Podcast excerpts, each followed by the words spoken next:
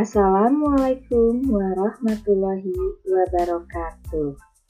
Selamat datang di podcast mata pelajaran perbankan dasar SMK Pasundan 3 Kota Cimahi bersama Ibu Nunung Nurjana. Terima kasih sudah mendengarkan podcast ini. Mudah-mudahan bermanfaat dan menambah ilmu kalian. Pekan ini kita mulai pembelajaran di awal semester 2, di mana kita akan melanjutkan pembelajaran perbankan dasar dimulai dengan materi KD 3.7 yaitu menganalisis simpanan dana giro. Untuk materi KD 3.7 ini, Ibu akan bagi menjadi tiga bagian. Yang pertama, kita akan mengulas pengertian simpanan dana giro itu sendiri, lalu macam-macam cek, serta yang terakhir adalah perhitungan jasa giro. Baik, untuk podcast kali ini, merupakan pertemuan pertama kita di awal semester 2. Dan pertemuan pertama juga yang mengulas mengenai KD 3.7. Maka ada pepatah yang mengatakan jika tak kenal maka kita harus kenalan ya. Sebelum kita mengulas mengenai hal yang lebih luas, ada baiknya kita mengulas dulu mengenai pengertian simpanan giro itu sendiri. Apa sih pengertian simpanan giro? Menurut Undang-Undang Perbankan Nomor 10 Tahun 1998, simpanan giro adalah simpanan yang penarikannya dapat dilakukan setiap saat dengan menggunakan cek atau bilet giro. Nah, apa sih cek itu? Cek adalah surat perintah dari nasabah atau untuk simpanan giro ini kita sebut dengan giran. Baik, Ibu ulangi ya. Cek adalah surat perintah dari giran kepada bank untuk mencairkan sejumlah uang tertentu kepada yang namanya tertera dalam cek tersebut. Sedangkan biliet giro adalah sarana perintah dari giran kepada bank untuk memindah bukukan sejumlah uang dari rekening giran kepada rekening orang yang disebutkan namanya dalam biliet giro dalam biliet giro tersebut. Nah, apakah kalian sudah mengetahui dari pengertian tersebut perbedaannya? Ya, betul sekali.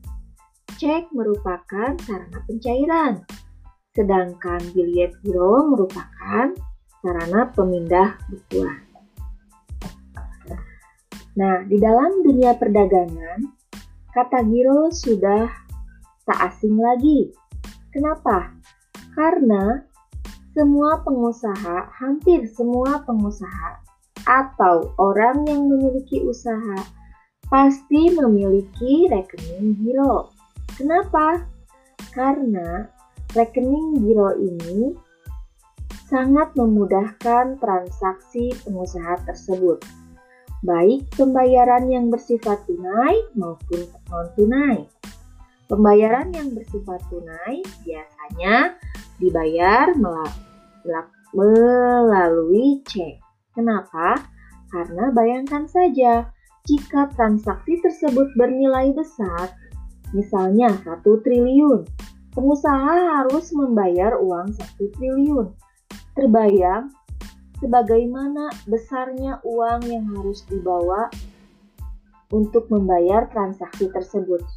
Tapi jika menggunakan cek, maka pengusaha cukup membayar menggunakan cek selembar saja apa pun itu nilainya.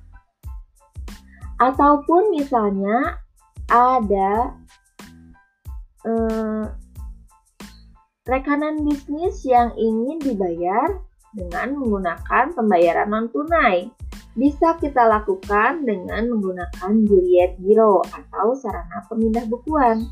Kita tinggal bayar transaksi tersebut menggunakan Juliet Giro, maka otomatis saldo rekening dari rekening kita akan dipindahkan kepada saldo rekening rekanan bisnis kita.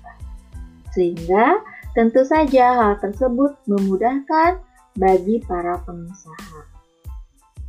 Akan tetapi, selain memiliki keuntungan, rekening giro ini pun memiliki kelemahan. Kenapa? Karena tidak semua pengusaha percaya atau mau melakukan transaksi menggunakan giro. Kenapa hal itu terjadi?